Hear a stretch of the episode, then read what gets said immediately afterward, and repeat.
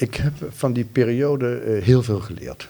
Ik ben minder snel geworden in besluitvorming en oordeelsvorming. En dat is iets wat je overigens dagelijks moet trainen, want we doen niet dan. En zo zijn we natuurlijk, natuurlijk ook gecreëerd om heel snel besluiten overal te nemen. Soms hangt daar leven en dood van af. Hè. Maar in sommige gevallen is het ook goed om af en toe even de tijd te vertragen.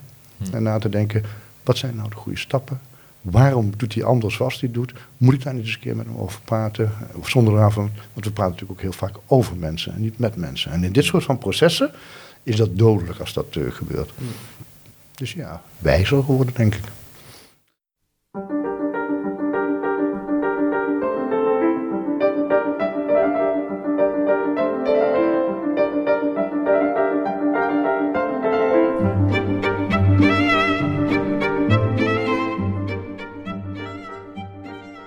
Podcast Stolp wordt gemaakt door leden van Stichting Toneelactiviteiten Ude, ofwel Theater naar Piek, en leden van de Heemkundekring Ude.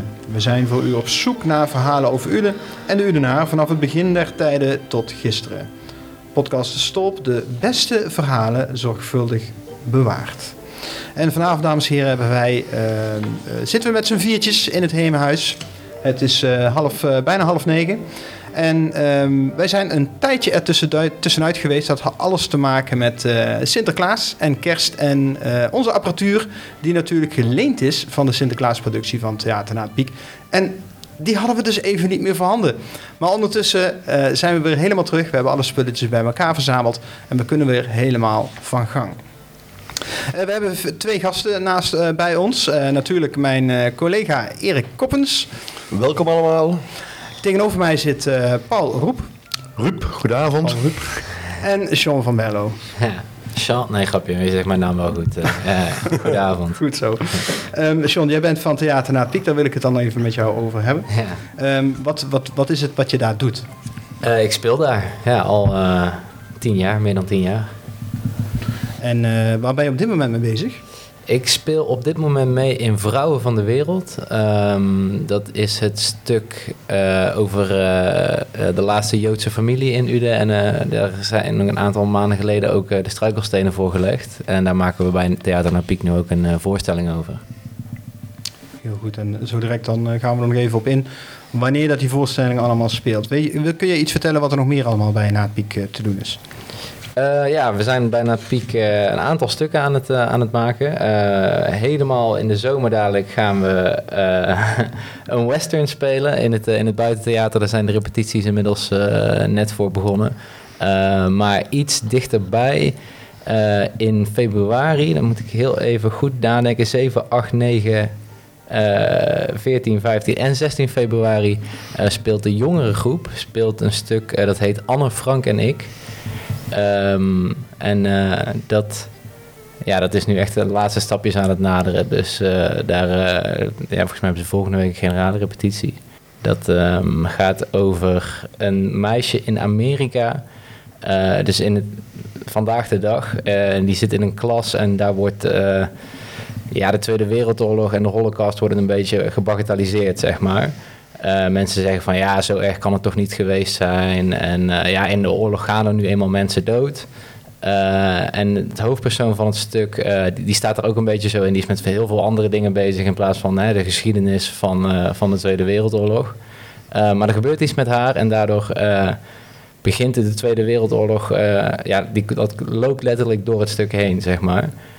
ik weet niet hoeveel meer ik erover mag vertellen, want dan wordt de regisseur Erik Krabbenborg denk ik boos op mij. Want die is heel erg beschermend over het verhaal en het stuk en uh, ook met de promotie. Uh, maar uh, het is, ja, ik kan je wel zeggen van wat hij heeft laten doorschemeren en wat ik ervan heb gezien, is dat dat wordt echt een heel, heel bijzonder stuk.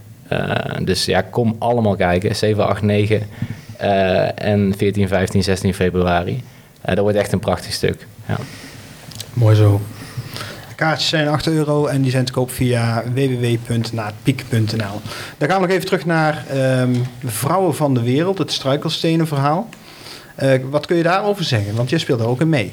Ja, ja zeker. Ik, eh, ik speel daarin mee. Um, ja, um, dus dat is een stuk dat gaat over een aantal jaar in Uden.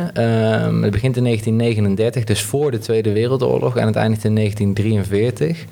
Eh, en het volgt een aantal mensen ehm, tijdens die periode.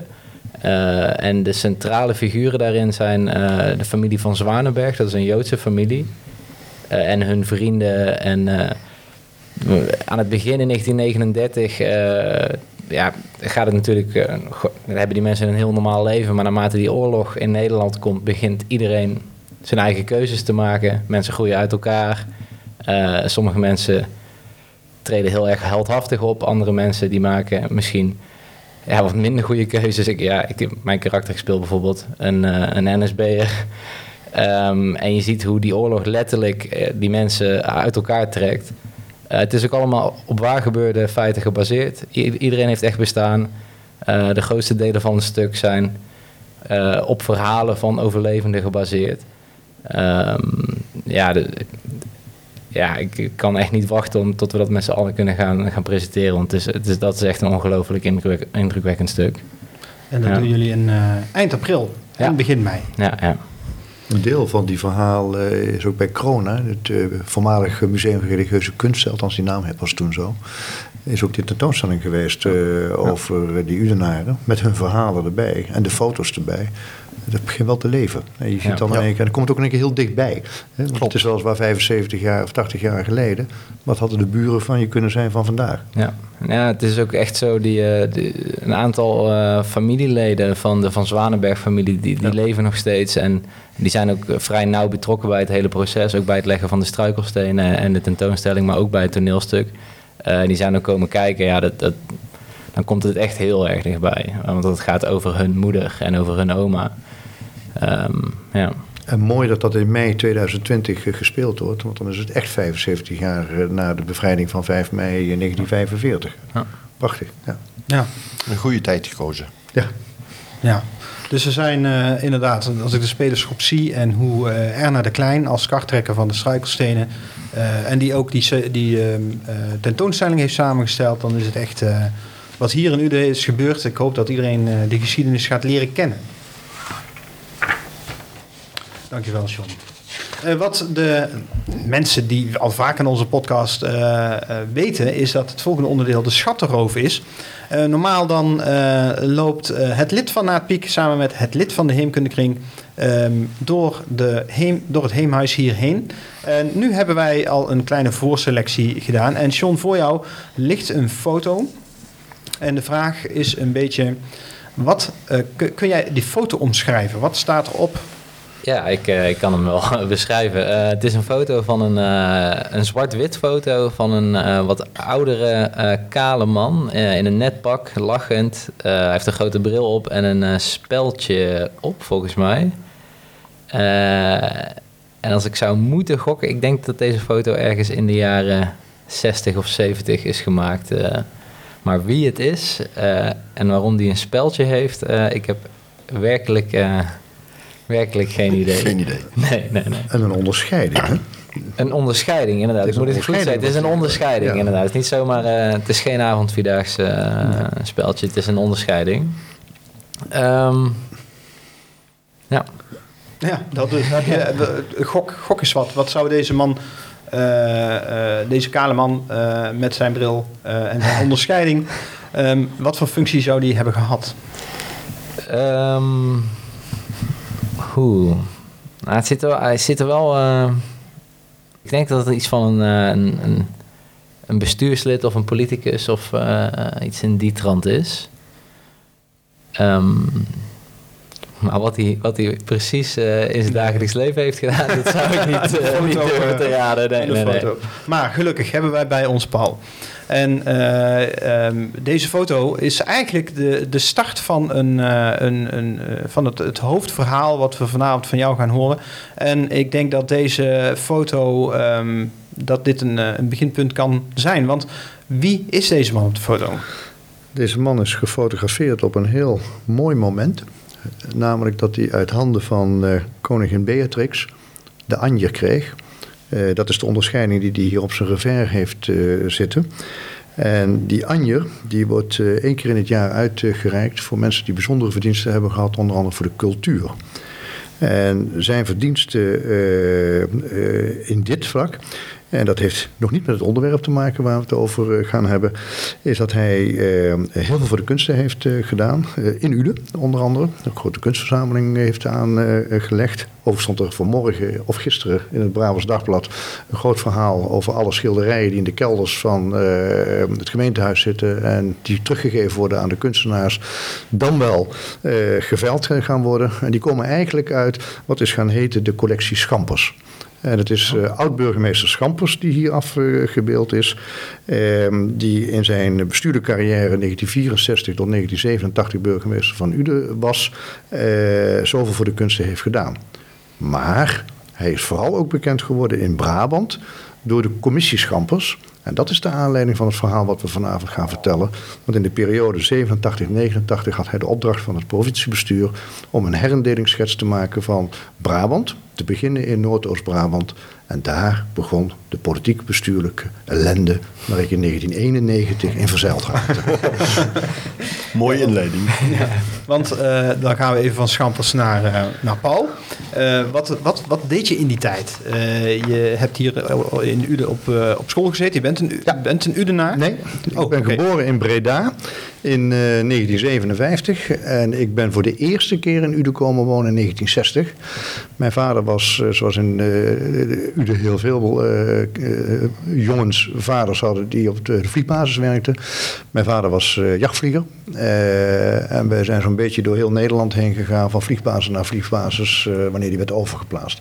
Maar het grootste gedeelte van mijn jeugd heb ik in Uden gewoond. En eigenlijk woon ik al sinds mijn 25, 22 geloof ik weer in, uh, volop in Uden. Ja. Ja, ja, precies. En in die periode, toen uh, Schampels begon met uh, zijn rapportage over de herindeling van Brabant, was ik docent Nederlands op het Kruisheer College. En in diezelfde periode daarvoor had ik ook voor de gemeente gewerkt op de afdeling voorlichting. en deed, deels was ik leraar en deels zat ik bij de gemeente. En ik ben in 1990 uh, gekozen in de gemeenteraad en in 1991 wethouder uh, geworden. En toen zaten we dus midden in het uh,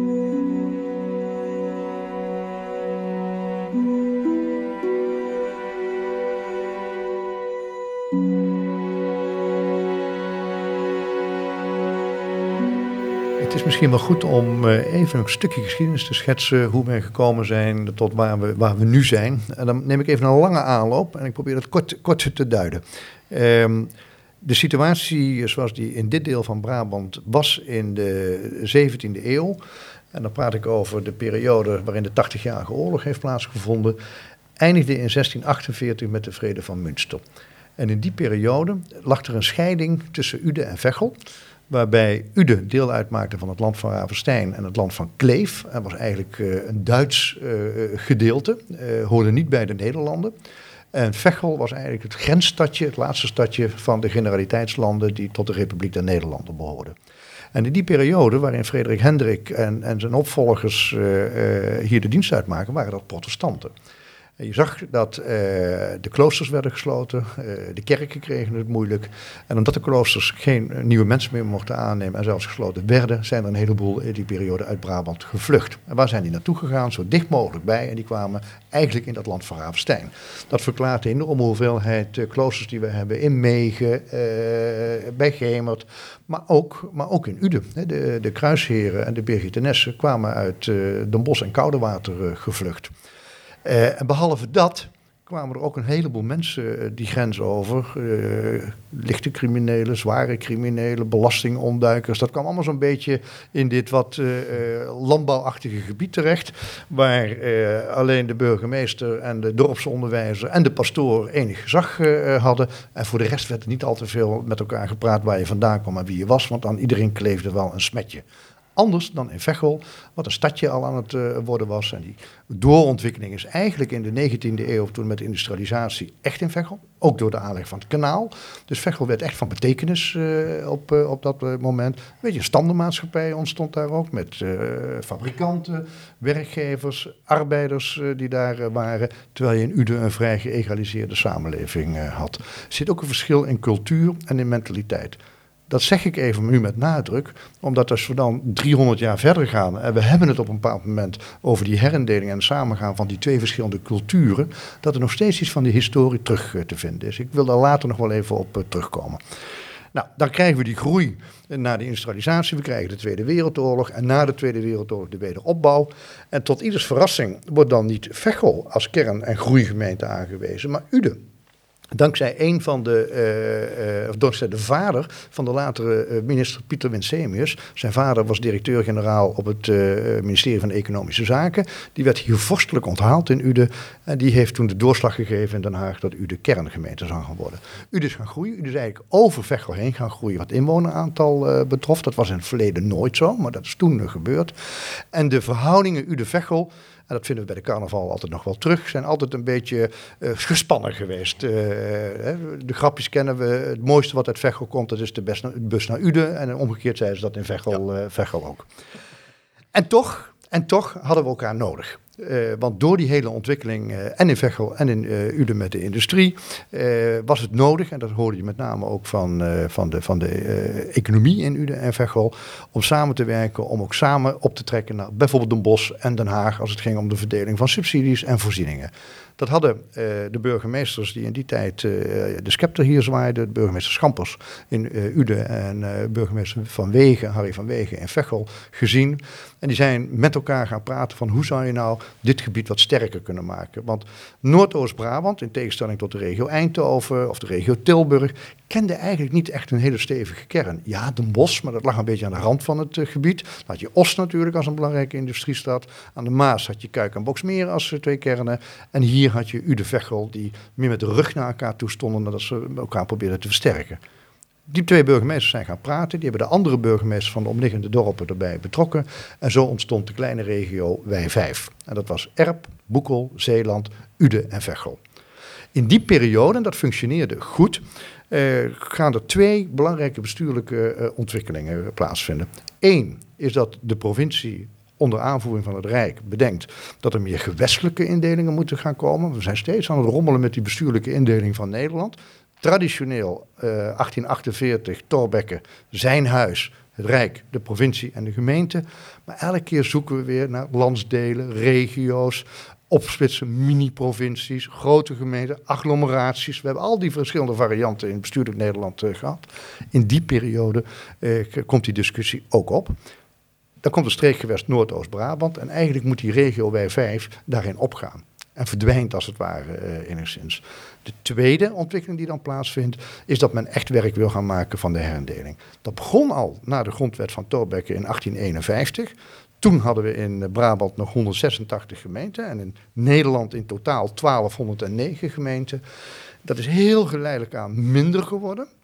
Maar de doorbraak is eigenlijk gekomen in de jaren 70, 80, de aanzet tot de grotere herindeling. En dat leidt ertoe dat we op dit moment in Nederland, van de 1209 gemeenten die er in 1851 waren, zijn er nu nog 335 uh, gemeenten. Dat is uh, een kwart nog maar bijna, zou je kunnen zeggen. En van de 186 gemeenten in Noord-Brabant hebben we er op dit moment nog uh, 55.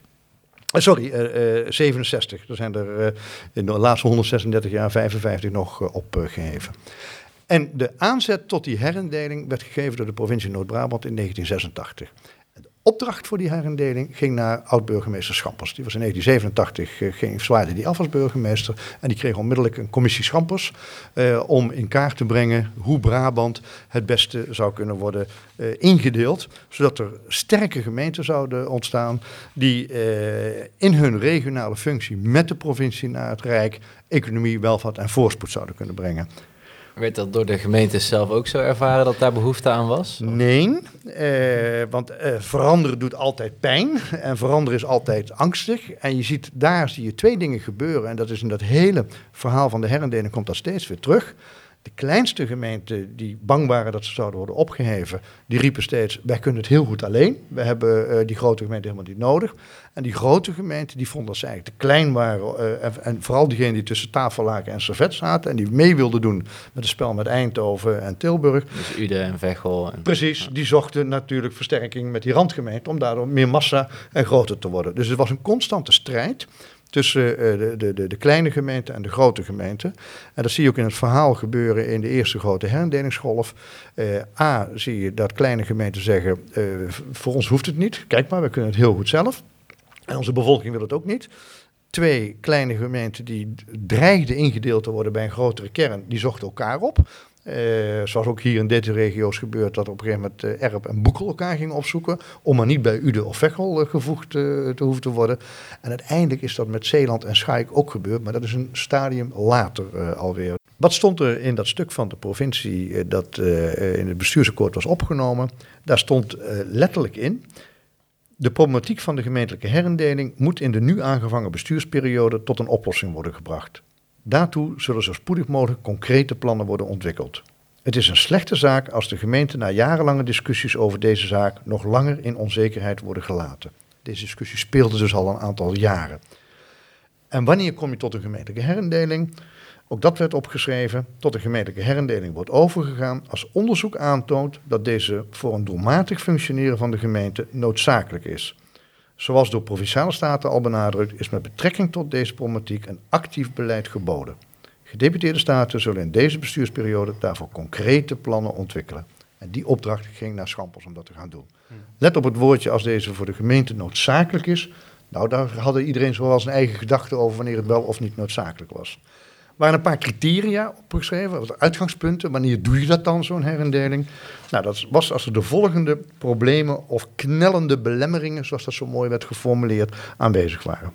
Eén, als een gemeente kampt met geografisch ruimtegebrek, waardoor de voor haar lokale, dan wel regionale functie noodzakelijke voorzieningen niet op eigen grondgebied kunnen worden gerealiseerd. Je wil een woonwijk, want je hebt dat nodig, maar je hebt geen grond Je meer. hebt geen grond. Dan zou je eh, dus naar een grotere gemeente moeten gaan. Woonkernen, die maatschappelijk en naar hun vorm als een eenheid kunnen worden beschouwd, tot meer dan een gemeente behoren. Dus het gebeurde door die uitbreiding dat soms delen op de ene gemeentegrens op de andere gemeentegrens lagen. Zou je die niet moeten samenvoegen? Zo is Eindhoven ooit in zijn ver verleden ontstaan, hè, met Woensel en al die verschillende onderdelen. Die zijn toen samengevoegd samen. als woon, eh, woonkernen. Delen van een gemeente zijn afgescheiden van de rest daarvan door water of wegen, waterwegen of wegen en spoorlijnen. En deze barrières leiden tot een zeker isolement van die gebieden. Dat was onder andere een gebied dat aan de overkant van de Zuid-Willemsvaart, de, ja, de Zuid-Willemsvaart lag, wat eigenlijk tot de gemeente Erp behoorde. Maar dat lag los eigenlijk door dat, door dat kanaal van Erp. Dat hebben ze dus heringedeeld bij Veghel. Eh, hoofdkernen van gemeenten zodanig zijn ze aaneengegroeid dat zij feitelijk een eenheid vormen, of een deel van een gemeente maatschappelijk en morfologisch deel uitmaakt van een aangrenzende gemeente. Denk in het verleden in Brabant bijvoorbeeld Etteleur of Gilserijen. Dat waren twee verschillende kernen die tegen elkaar aangegroeid waren en uiteindelijk tot één gemeente werden gevormd. Ude-Veghel zou, hè, als dat heel dicht bij elkaar kwam en over Maria heen gaat, ook zo'n kern eh, kunnen zijn. En objecten die om een lokale bestuurszorgvragen gelegen zijn op grondgebied van twee of meer gemeenten. Zo'n object, vliegbasis Volkel. Vliegbasis Volkel lag gedeeltelijk in de gemeente Zeeland en gedeeltelijk op grondgebied van de gemeente Uden. Toen wij al die acties hebben gehad rondom de vliegbasis over kernwapens eh, eh, en kruisraketten en die bezettingen rondom, dan was elke keer gedoe wie de politie nou inzette en op welk grondgebied ze nou eh, zaten. Want dan was het grondgebied van Zeeland, dan was het grondgebied van Uden en dat was in de veiligheid en bewaking was dat niet al te bevorderlijk. Dus dat was een object, zoals dat hier heet, die om een lokale bestuurszorgvraag gelegen in het grondgebied van twee of meer gemeenten. Die voeg je dan samen, dus het vliegveld moest in één gemeente komen te liggen. Nou, dat zijn een aantal van die uitgangspunten. Schampers is daarmee aan de, aan de slag eh, eh, gegaan eh, en is met voorstellen gekomen over hoe je dan in Brabant dat zou kunnen gaan doen. En het eerste waar hij dat deed, was een soort proefgebied, dat was de provincie, dat was het Noordoost-Brabant. Er waren vier grote regio's en Noordoost-Brabant was de eerste. Dat is een enorme discussie geworden, zowel in de provincie als bij al die gemeenten, als ook uiteindelijk in de Tweede Kamer. Wat al snel bleek, is dat de plannen die hij uiteindelijk had ontwikkeld veel te kleinschalig nog waren. Als je zag wat er later gebeurde in West-Brabant, eh, Midden-Brabant en in eh, Zuidoost-Brabant. Hoewel op dit moment de discussie rondom Eindhoven nog steeds loopt. Want eh, gemeentes als Nune en De Veldhoven, kleine plaatsen eromheen. Precies, die zijn nog steeds van, die hadden eigenlijk al lang bij Eindhoven gevoegd moeten worden, maar dat, die stap heeft men nog steeds niet durven te zeggen. Nou, ehm, ik vertelde eerder al in dit eh, verhaal dat eh, we hier ook de regio de wijk Kleine Vijf hadden. En het was toenmalig burgemeester Is Keizer van Veghel, die bij een nieuwjaarsreceptie zei: Als we dat toch gaan herindelen en we gaan dit gebied bekijken, wat zou het mooi zijn als wij onze eigen regio, wij vijf, die wij met elkaar destijds hebben opgericht, Erp, Boekel, Zeeland, Uden en Veghel, als we die tot één gemeente zouden kunnen eh, smeden. Eh, nou, daar werd meer of minder enthousiast op gereageerd. Met name de kleinere gemeenten zagen daar niet direct de noodzaak in, maar die verloren natuurlijk hun, hun autonomie erin. Een van degenen die dat sterkst in was, was de gemeente Boekel. Eh, ik noem de gemeente Boekel wel eens dat kleine plaatsje in Gallië, eh, wat omringd door de Romeinen, altijd zelfstandig is gebleven. Dat is nog steeds op de dag van vandaag zo. Eh, en in Uden werd daar ook wat terughoudend op gereageerd. Wat Uden dacht, nou, voor ons zit er misschien wel meer in het vat als we dadelijk dat rapport van Schampers eh, gaan krijgen. Want we zijn groter dan Veghel. We hebben een belangrijke positie in deze regio. Die moeten we ook een beetje zien vast te houden. En de eerste rapportages die er dan ook komen, die zeggen een paar dingen. Die zeggen eigenlijk, Veghel is op zichzelf stevig en sterk genoeg om zijn eigen broek op te houden. Dat geldt eigenlijk voor Uden ook, maar, maar Zeeland is te klein om het te kunnen doen. Daarom zou het een logische samenvoeging zijn om Zeeland en Uden bij elkaar te brengen. Erp en Boekel als plattelandsgemeente eh, zijn allebei eigenlijk te klein om in stand te kunnen houden. Maar samengevoegd wordt dat een mooie, sterke plattelandsgemeente. dat was zo'n beetje het uitgangspunt dat er was. In Uden vond dat men dat geen verkeerde gedachte. Het zou aanzienlijk eh, groter worden nog dan Veghel. In Veghel was men daar wat minder van geporteerd. Je denkt, wat tomme die Udenaren, die gaan ons nu een stuk eh, verder eh, voorbij. Ik vertel dat nou een beetje, een beetje, een beetje lachend en zo. Maar als je zo de stemmingen links en rechts hoorde, zijn dat wel eh, de, de emoties en de gevoelens die daar ook een rol in speelden. Toen is er iets vreselijk misgegaan. En dat gebeurde nog eh, voor de tijd eh, dat ik zelf wethouder was. Ik ben in oktober 1991 Henk Wientjes opgevolgd als, als wethouder. En ik herinner mij nog dat een paar maanden daarvoor Wientjes redelijk boos eh, de, de fractiekamer kwam binnenstormen dat het helemaal verkeerd ging. Wat was er gebeurd? De gesprekken die er tussen eh, Zeeland en Uden plaatsvonden om te kijken of we niet samen alvast wat stappen konden zetten op weg naar die, naar die herindeling, eh, die waren op enig moment volledig verkeerd uit de hand gelopen. Dat had met twee dingen te maken. Zeeland eh, had destijds een, eh, een zeer uitgesproken burgemeester, Schelkens, eh, op zijn motor. Die oude vakbondsman die van zijn hart nooit een moordkuil maakte. En er werd een strategische fout gemaakt in Uden. Want ze wilden wel praten, de gemeente Zeeland met de gemeente Uden. Maar Uden had zo verstandig moeten zijn. Dat is een les die altijd weer opgang gaat doen als je over dit soort van dingen praat om met alle respect naar Zeeland te gaan, om daar op dat gemeentehuis te gaan praten. Maar eigenlijk werd Zeeland ontboden in Uden om daarover te komen praten. Dat werd een beetje gezien als een gang naar Canossa, eh, dat je onder het juk door eh, moest. Dat was één. En bovendien bleek ook nog op een belangrijke bespreking die daar moest plaatsvinden, dat eh, de burgemeester van Uden op dat moment zelf veel te laat was. eh, zodanig laat dat Schellekens al was opgestapt en zei, zo moet, dan wil ik al niet meer. Niets menselijks is ons vreemd. Overigens, je ooit één ding merkt bij al dit soort dingen, het gaat altijd ook over relaties tussen mensen. Ja, dat- Eh, Ja. Dat vind ik heel interessant, want je hebt het aan de ene kant heb je het over die criteria en die lijken vrij concreet te zijn, zeg maar. Aan de andere kant hangen er allemaal diplomatieke rituelen omheen, naar, eh, lokale trots. eh, Intermenselijke verhoudingen, emoties, ja, als, als jij zou zeggen wat uiteindelijk de doorslag geeft. menselijke relaties. Ja. Chemie, als een, eh, ik ben nu bestuurder van een hogeschool, uh, Avans eh, Hogeschool, ben ik de voorzitter eh, van, een enorme hogeschool. Ook daar heeft een fusie in het verleden plaatsgevonden tussen de Bos en Breda. Het gaat dan uiteindelijk om de mensen die het samen met elkaar moeten gaan doen om ook die cultuur neer te kunnen zetten. Als dat blijft wrijven, dan wordt het uiteindelijk eh, niks. Ja. Eh, zelfs ik dat het ook gewoon helemaal niet eens meer doorgaat. Dat gebeurde hier dus precies hetzelfde. Dat met een tweede te maken. Eh, kennelijk had Schellekes een paar eh dingetjes op een briefje geschreven. En die werden gelekt naar de pers. En dat wist de gemeenteraad van Zeeland niet. Dus die kreeg enorm op zijn todden dat hij buiten zijn boekje was gegaan. Nou, daarmee stond de verhouding op scherp en keerde Zeeland zich af van Zeeland. Sorry, Zeeland zich af van de gemeente Uden. In dezelfde tijd was Veghel volop bezig om te kijken of ze erf niet konden binnen eh, fietsen. Met als argumentatie, Het is, het is, het is eh, interessant om eh, in de archieven te kijken en alle briefwisselingen en verslagen te lezen van alle bijeenkomsten die er geweest zijn, zijn allemaal openbaar. Eh, ook beschamend af en toe. Je komt ook allerlei brieven tegen die mensen naar elkaar schrijven. Ik heb ook wat brieven van mijzelf in een later stadium teruggevonden waarvan ik dacht, hoe heb ik zoiets kunnen schrijven? Eh, maar hè, dus eh, ook daar zie je ook, eh, mij is niets menselijks eh, eh, eh, vreemd. Ehm, maar dan zie je dat op enig moment eh, komen al die gemeenten moeten bij de provincie langskomen om, om hun visie te geven op het voorstel wat Schampels had gemaakt. Hè. Dat was dus Zeeland en Uden samen, Erp en Boekel samen eh, en, en Veghel apart. En dan zie je dat er vanuit Veghel enorm wordt gepleit om naar die grote gemeente te gaan met die wij vijf. Maar laten we beginnen vast met, met, met, met, met Veghel en Uden samen te gaan doen. Maar omdat dat misschien nog een stap te ver is, zou je beter eerst Veghel en Erp samen kunnen voegen. Zeeland niet bij Uden, want dan wordt Uden wordt bijna net zo groot als Veghel en Erp. En dan zijn het gelijkwaardige partners. En dan zouden we eventueel die tweede stap kunnen zien. Hè? Diplomatiek heel logisch eh, geredeneerd. Eh, maar in de tussentijd zie je ook dat eh, door de gemeente Boekel en de gemeente Erp gepleit wordt van nee, wij moeten samen.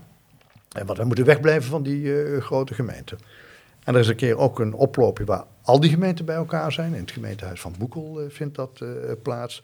En er wordt zeer welwillend naar elkaar geknikt en gepraat over eh, hoe we samen allemaal zouden kunnen gaan doen. En dan zegt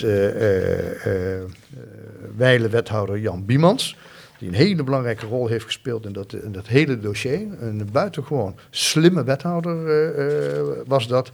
Die zegt dan op het einde in zo'n in de afronding van, van, van de vergadering, eh, maakt hij een, eh, een opmerking. Ehm, moet ik even kijken waar ik die heb, eh, heb, heb staan. Eh, hij komt, er, komt erop neer. Leuke verhalen allemaal. Maar eh, uiteindelijk is het beste dat we toch maar gewoon zelfstandig blijven. En dan zie je dat met al dat gepraat en gedoe er niet zo heel erg veel eh, tot stand komt. Nou, eh, uiteindelijk gaan de gemeenten niet zelf hierover. Ook de provincie gaat hier niet over. De provincie heeft wel het voortouw om met de voorstellen te komen. Maar de gemeentelijke herindeling die moet bij wet worden vastgelegd. Want de gemeentegrenzen moeten bij wet worden vastgelegd. Met een heleboel andere financiën en al dat soort dingen er nog eh, bij. En dat gebeurt in de Tweede Kamer. Er was een enorm spel al ontstaan eh, over deze eerste herindeling. Want deze eerste herindeling zou maatgevend zijn voor wat er voor de rest van Brabant zou moeten gebeuren. Dus alle politieke partijen bemoeien zich er ook mee. Het was een compleet circus van Tweede Kamerleden wat hier door het gebied heen eh, eh, trok. En wij, ik ben zelf CDA, dus wij haalden Maxime Verhagen hier naartoe en Helmer Koetje haalden we hier naartoe. Dat waren de woordvoerders rondom de herindeling in de Tweede Kamer in die tijd. En die van zien wat ze zo belangrijk en hoe het moesten doen. Keizer was VVD'er, die hadden allerlei VVD'ers, onder andere Jan Fransen hier naartoe. Dus er werd een enorm politiek spel eh, gespeeld. Dat was ook de periode, en ook dat is bepalend voor hoe het dan op een bepaald moment gaat, dat we te maken hebben met eh, bijna paars 1. Het is nog het kabinet eh, Lubbers, het laatste kabinet Lubbers, waar de Partij van de Arbeid en eh, CDA in één coalitie zitten. Maar het gaat al niet meer zo lekker tussen die verschillende partijen. En ik weet nog dat na al dat ge- gedoe wat we gehad hebben in die periode 1, 2, 9, 3, met alle brieven die we geschreven hebben, eh, alle bezoeken die we gehad hebben, trokken wij in eh, juni 1993 naar de Tweede Kamer om te gaan luisteren wat er nou uiteindelijk eind zou komen. Dus je vertrekt met, met, met eh, de hele Udense politiek. Ga je naar Den Haag. Nee, dat niet. We waren er met een paar mensen uit, eh uit Uden. Eh, ik weet niet eens zeker of er gemeenteraadsleden bij waren, maar, maar wel met een paar wethouders waren we daar. En ik zat daar op, eh, op de, de tribune. Oh. En Op het moment dat jullie daar naartoe gingen, hadden jullie toen een gevoel dat, ze, dat de mensen die hier op bezoek waren gekomen vanuit Den Haag door hadden wat er hier lokaal speelde en politiek speelde? Of Nee, ehm, eh, ja, ja en nee. Wij zagen wel dat er allerlei dingen aan het schuiven waren. En dat ook een aantal politici eh, eh, vanuit Den Haag nog even de kaarten tegen de borst hielden wat er moest gaan gebeuren. Die woensdag waarin het behandeld werd, dat duurde een hele dag tot diep in de avond, zag je ook het ene voorstel, amendement en wijziging naar de andere komen. En wij gingen er naartoe met het idee van, Ude, Ude Zeeland gaat toch wel gebeuren, want dat kan haast niet anders uh, daaruit uh, komen. Uh, maar het voorstel wat toen in de Kamer lag, was dat Zeeland en Schaik samen zouden gaan. Ehm, en dat Ude eigenlijk alleen zou blijven. En dat Erp naar Veghel zou gaan, want Erp en Boekel hadden in die tussenliggende periode waren heel ver gevorderd met hun gesprekken over samengaan. En op het laatste moment klapte dat, ging dat uit elkaar. En het voorstel lag uh, dat mogelijk Erp en Veghel uh, samen zouden gaan. Ehm, Nisterode en Hees zouden samen gaan. Rondom Ravenstein zou er wat gebeuren en bij, en bij, bij Graven. En dat was zo'n beetje het verhaal. Op die dag zelf zie je dan toch een paar uh, aanzienlijke verschuivingen uh, uh, komen. Ik wou net zeggen, daar is volgens mij niks van terechtgekomen als ik dat zo daar hoor. Is, daar is het een en ander misgegaan. Want ehm, inderdaad lag het voorstel toen op tafel dat Zeeland en Schaik samen zouden moeten gaan, terwijl wij dus enorm lobbyden. En om daar één voorbeeld van, van, van te noemen, er zijn dus allerlei briefjes en persoonlijke briefjes en faxen en zo gegaan. En eh, onder andere de, de, de, burgemeester van Uden, uh, Koen Heijenkamp, die heeft toen nog een briefje gestuurd naar uh, Helme Koetje. Die was destijds woordvoerder voor het CDA over herindelingen. Is inmiddels gestorven. En die werd verschrikkelijk onder druk gezet vanuit het CDA. en zo erg dat hij op enig moment gewoon woedend werd en een briefje terugstuurde. En daar schreef hij in aan Heijenkamp. Ik moet u bekennen dat de brief niet in goede aarde is gevallen. Ik vond het wel even genoeg. Boos maak ik me over het feit dat u de mening van de CDA-fractie kennelijk niet begrijpt of wilt begrijpen. Nog bozer maak ik me over het feit dat u kennelijk niet kunt nalaten een karikatuur te maken van één zin uit het verhaal. En dan breekt het uh, Tweede Kamerdebat op 2 juni 1993 uh, aan.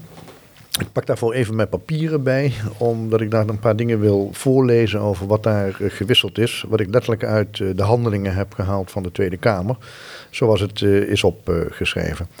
Er gebeurde op die dag van alles. Er waren allerlei amendementen en, moties ingediend. En je zag dat het hele spel wat daar eigenlijk was bedacht voor uh, Noordoost-Brabant aan het verschuiven was. Een van de dingen die daar ter plekke werd, werd, werd ingevoerd is dat Heeswijk-Dinter in één keer werd toegevoegd aan Hees en Nistelrode. Een volslagen verrassing, ook voor burgemeester Van Gorp, die toen burgemeester van Hees was, van wat krijgen we nou? Wat moet ik er nu in één keer bij krijgen? Um, maar wij zaten natuurlijk daar vooral op de stoel om te luisteren of er nog iets zou gaan gebeuren met, uh, met Uden en Zeeland. Want wat er ook gebeurde in dat verhaal was dat in één keer Erp met Veghel samenging en niet met, met Boekel. En toen ik dat allemaal zo zag, toen stuurde ik een briefje via de bode naar Helmer Koetje, waar wij veel contacten mee hadden gehad, de, de CDA-woordvoerder. En ik had op dat briefje geschreven, en wat doen we nu met Uden Zeeland? Ik zag dat hij dat briefje las. En hij staat op, loopt naar de interruptiemicrofoon, waar op dat moment uh, aan de andere kant van de microfoon uh, Jan Fransen, de woordvoerder van de VVD, over de herindeling aan het uh, spreken was. De latere commissaris van de Koningin, toen nog in Zuid-Holland. Ehm, die stond daar heel breed uit te leggen wat er allemaal moest gaan gebeuren. En Helmer Koetje drukt de interruptie, interruptiemicrofoon in, wil het woord nemen op hetzelfde moment eh, springt Peter van Heemst, eh, Partij van de Arbeid, uh, woordvoerder van de herindeling, op uit de bankjes om ook naar voren te stormen. Maar Dick de Kloe, zijn partijgenoot, die altijd woordvoerder was geweest en hem eigenlijk coachte, die pakt hem in zijn nekvel letterlijk vast. We zagen het gebeuren. en trok hem terug in het bankje van even nog wachten, even zitten. Koetje vraagt vervolgens aandacht voor de positie van Ude.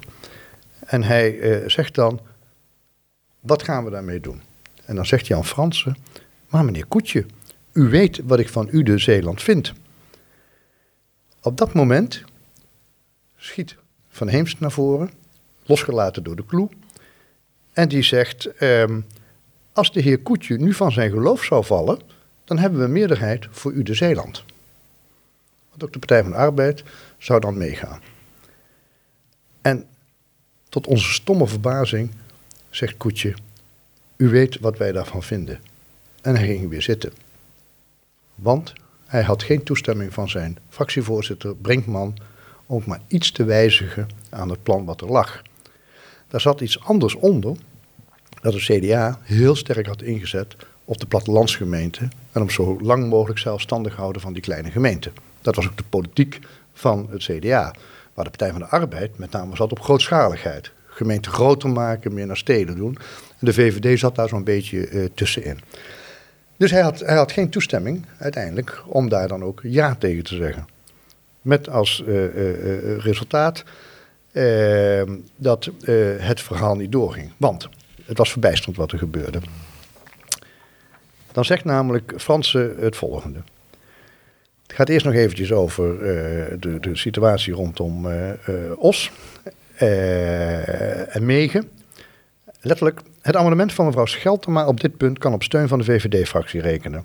Maar Os heeft ook aan de zuidkant een versterking gekregen, zij het een wat kleinere, doordat in het wetsvoorstel de grens bij de A50 is gelegd.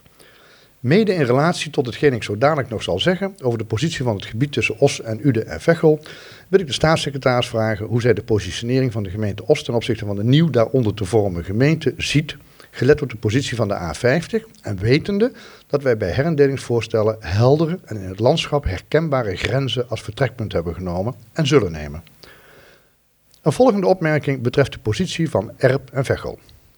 Ik wil best toegeven dat ook in de richting van de heer Koetje de verhouding Osmegen wat mij betreft scherper ligt in het eindoordeel dan de verhouding Erp-Boekel omdat ik wellicht iets meer dan collega Van Heemst voor de toekomst van mijn zorgen, voor de toekomst mijn zorgen blijf houden over een zelfstandig boekel. Aan de andere kant vind ik dat de industriële oriëntatie van Erp op Veghel en de door ons nadrukkelijk gewenste versterking van de positie van Veghel, derde industriegemeente in Brabant met een groot aantal arbeidsplaatsen en een duidelijk verzorgende functie in de regio, er zeer bekaaid afkomt in het wetsvoorstel. Vanuit Veghel geredeneerd Kijkend naar sommige oriëntaties van Erp op Veghel, zullen wij steun aan het abonnement van collega Van Heemst geven. Dus Erp Boekel ging niet door, Erp schoof naar Veghel. Dan komt dus de heer Koetje met mijn briefje naar voren. Voorzitter, het is verleidelijk om de hele discussie op onderdelen nog eens over te doen. Ik zal dit niet doen. Ik wil de heer Fransen wel vragen waarom hij per saldo niet de consequenties voor de gemeente Uden trekt. Met andere woorden, Zeeland bij Uden. De heer Fransen. Meneer de voorzitter, dat is een afweging. Ik heb vanochtend gezegd dat wat ons betreft de gemeente Zeeland-Schaik er niet had mogen komen. Wat ons betreft had u de Zeeland, Veghel-Erp en een gemeente Schaik-Ravenstein met een deel van Schaik naar Graven, in combinatie als deze aanvankelijk door de commissie Schampers was voorgesteld, een mooiere oplossing voor het gebied betekent. Je moet evenwel bij de uiteindelijke beoordeling van een voorstel kijken in hoeverre je nog kunt amenderen zonder domino-effecten te bereiken en amenderingen voorstellen die wel het domino-effect doen ontstaan. Daarom kiezen wij bij Erp Boekel uiteindelijk voor de combinatie Erp Vechel. Welk domino-effect, sorry? Omdat het domino-effect ten aanzien van Boekel zich niet voordoet. Als je één steen weghaalt, dan vallen die andere stenen om. Want dan trek je dus meerdere gemeenten uit elkaar en moet je naar andere combinaties. Als je Erp van Boekel afhaalt en je haalt Boekel zelfstandig, dan treedt dat effect niet op. Hmm. Daarom kiezen wij bij R. Boekel uiteindelijk voor de combinatie R. Vechel, omdat het dominee-effect ten aanzien van Boekel zich niet voordoet, althans niet zou behoeven voor te doen, tenzij het provinciaal bestuur van Noord-Brabant bij een volgende herendelingsprocedure tot een ander oordeel komt. Belangrijke opmerking van Fransen, want dat gaat later ook uh, in discussie komen. Fransen gaat verder. Zou Zeeland naar Uden gaan, dan bereik je een dominee-effect. En dat vind ik een stap te ver. Overigens zou ik zelf deze stap best hebben willen maken. Deze kan echter, zoals wij in het vooroverleg is gebleken, niet op een solide meerderheid in de Kamer rekenen. En ik ben niet gewend om amendementen en moties voor te stellen waarvan ik niet een begin aan zekerheid heb dat zij op steun van een meerderheid kunnen rekenen. Namelijk Zeeland naar Uden zou Schaik alleen laten, zou te klein zijn, zou er met Schaik moeten gebeuren, moet je iets met Graven doen, iets Ravenstein doen. Te laat. Dat was eigenlijk de boodschap. Ja, ja. Dan komt de heer Van Heemst. Meneer de voorzitter, als de heer Koetje alsnog zijn amendement zou indienen, zou er een solide meerderheid zijn. Dus Zeeland bij Uden. Zou de redenering van de heer Fransen dan toch tot een positieve slotsom over zo'n variant leiden? De heer Fransen, ze gaan nu een toneelstukje opvoeren. Welke variant bedoelt u nu? De heer Van Heemst. De variant waarover de heer Koetje u juist interrumpeerde. De heer Fransen. Oh, dus de variant waarbij Zeeland alsnog naar Uden gaat. Nou, dan valt de heer Koetje van zijn geloof. de heer Van Heems. Wij hadden na de eerste termijn al geconstateerd dat de heer Koetje iets van een engel had. Die vallen nooit van hun geloof. Dat geef ik u op een briefje. Hij komt er zelf mee. En dan zegt de heer Koetje, tot onze verbijstering... Nee, ik wil op dit punt geen misverstand laten bestaan. De heer Fransen, ik ben wat voorzichtig om in deze dialoog tussen twee regeringspartijen tussen beiden te komen. Vilijn, hè? de VVD zat in de oppositie, Partij van de Arbeid en CDA waren coalitie. En dan zegt de heer Koetje, het was zojuist een open debat. Ik dacht, laten we dit zo houden. Voorzitter, ik heb vanochtend een verantwoording gegeven waarvan, waarin ik deels dezelfde afweging maak ten aanzien van Zeeland Schaik. Ik heb gezegd dat dit tot kettingreacties leidt. Ook in deze context is mijn vraag of de argumenten om erp bij Vechel te voegen wel voldoende zwaar zijn om deze discussie te voeren. Ik kies dan met overtuiging voor erp Boekel, omdat ik dat in het context van het wetsvoorstel toch het meest evenwichtig noem. Kennelijk verschillen wij ten aanzien hiervan niet zoveel van mening. Ik heb dus helemaal geen behoefte in de context van onze eigen afweging om met andere voorstellen te komen, hoewel hier best redenen voor waren geweest, zoals ik heb gezegd. En dan zegt de heer Fransen, hij sluit eigenlijk af. Meneer de voorzitter, het is helder. Bij de aanvaarding van het amendement van Heemst ontstaat niet het dominee-effect van Boekel en andere gemeenten in het omliggende gebied. Dit zou wel ontstaan indien de combinatie Ude-Zeeland zou worden gevormd en het ten aanzien van Schaik het een en ander zou moeten gebeuren. Antwoord gevend op de directe vraag van de collega van Heems kan ik zeker melden dat wanneer collega Koetje met een dergelijk voorstel komt, dit op mijn sympathie van onze kant kan rekenen. Maar ik verwacht niet dat hij een dergelijk voorstel doet. De heer Koetje, voorzitter, ik denk dat voldoende duidelijk is wat voor spel hier gespeeld wordt. Het is leuk, maar volgens mij heb ik voldoende aangegeven welke keuzes ik heb gemaakt. Zoals gezegd, hij had geen toestemming en het ging niet door. Heel dapper van Koetje is dat hij een dag later naar Uden is gekomen. Waar hij alles en iedereen eh, van onze eh, CDA-fractie, eh, de wethouders, de burgemeester over zich heen kreeg. En eh, ook ruidelijk zei van, ja, eh, ik had geen ruimte om dat te kunnen gaan doen. En wat er toen gebeurde uh, in, uh, op 2 juni 1993, is dat het CDA aan alle kanten links en rechts werd ingehaald door de VVD en de Partij van de Arbeid. En alles wat de VVD en de Partij van de Arbeid voorstelden gebeurde. En alles wat de CDA wilde veranderen gebeurde niet. En gestemd. Kort daarna, in 1994, is het nieuwe kabinet uh, VVD Partij van de Arbeid ontstaan, Paars 1. Paars nou, dan zag je daar de voortekenen al van komen. Ja, ja. Kortom. Mag, mag ik iets vragen? Ja, natuurlijk. Als je daar dan als lokaal politicus naartoe gaat en eerst komt die commissie, die gaat het vanuit de provincie bekijken. Vervolgens gaan alle lokale, alle, alle dorpen en gemeentes gaan zelf aan de slag om met een plan te komen. Dat plan wordt heen en weer uit onderhandeld. Iedereen gaat naar Den Haag met een schijnbaar een goed idee van wat de, nou eindelijk het plan is. En in minder dan 24 uur wordt het helemaal uit, uit elkaar gesloopt door de landelijke politiek dan voel je je toch volkomen gepasseerd. Of? Ja, het vertrouwen wordt toch niet groter? Nee. En dat wordt in het tweede bedrijf, van wat ik ga vertellen, nog veel erger.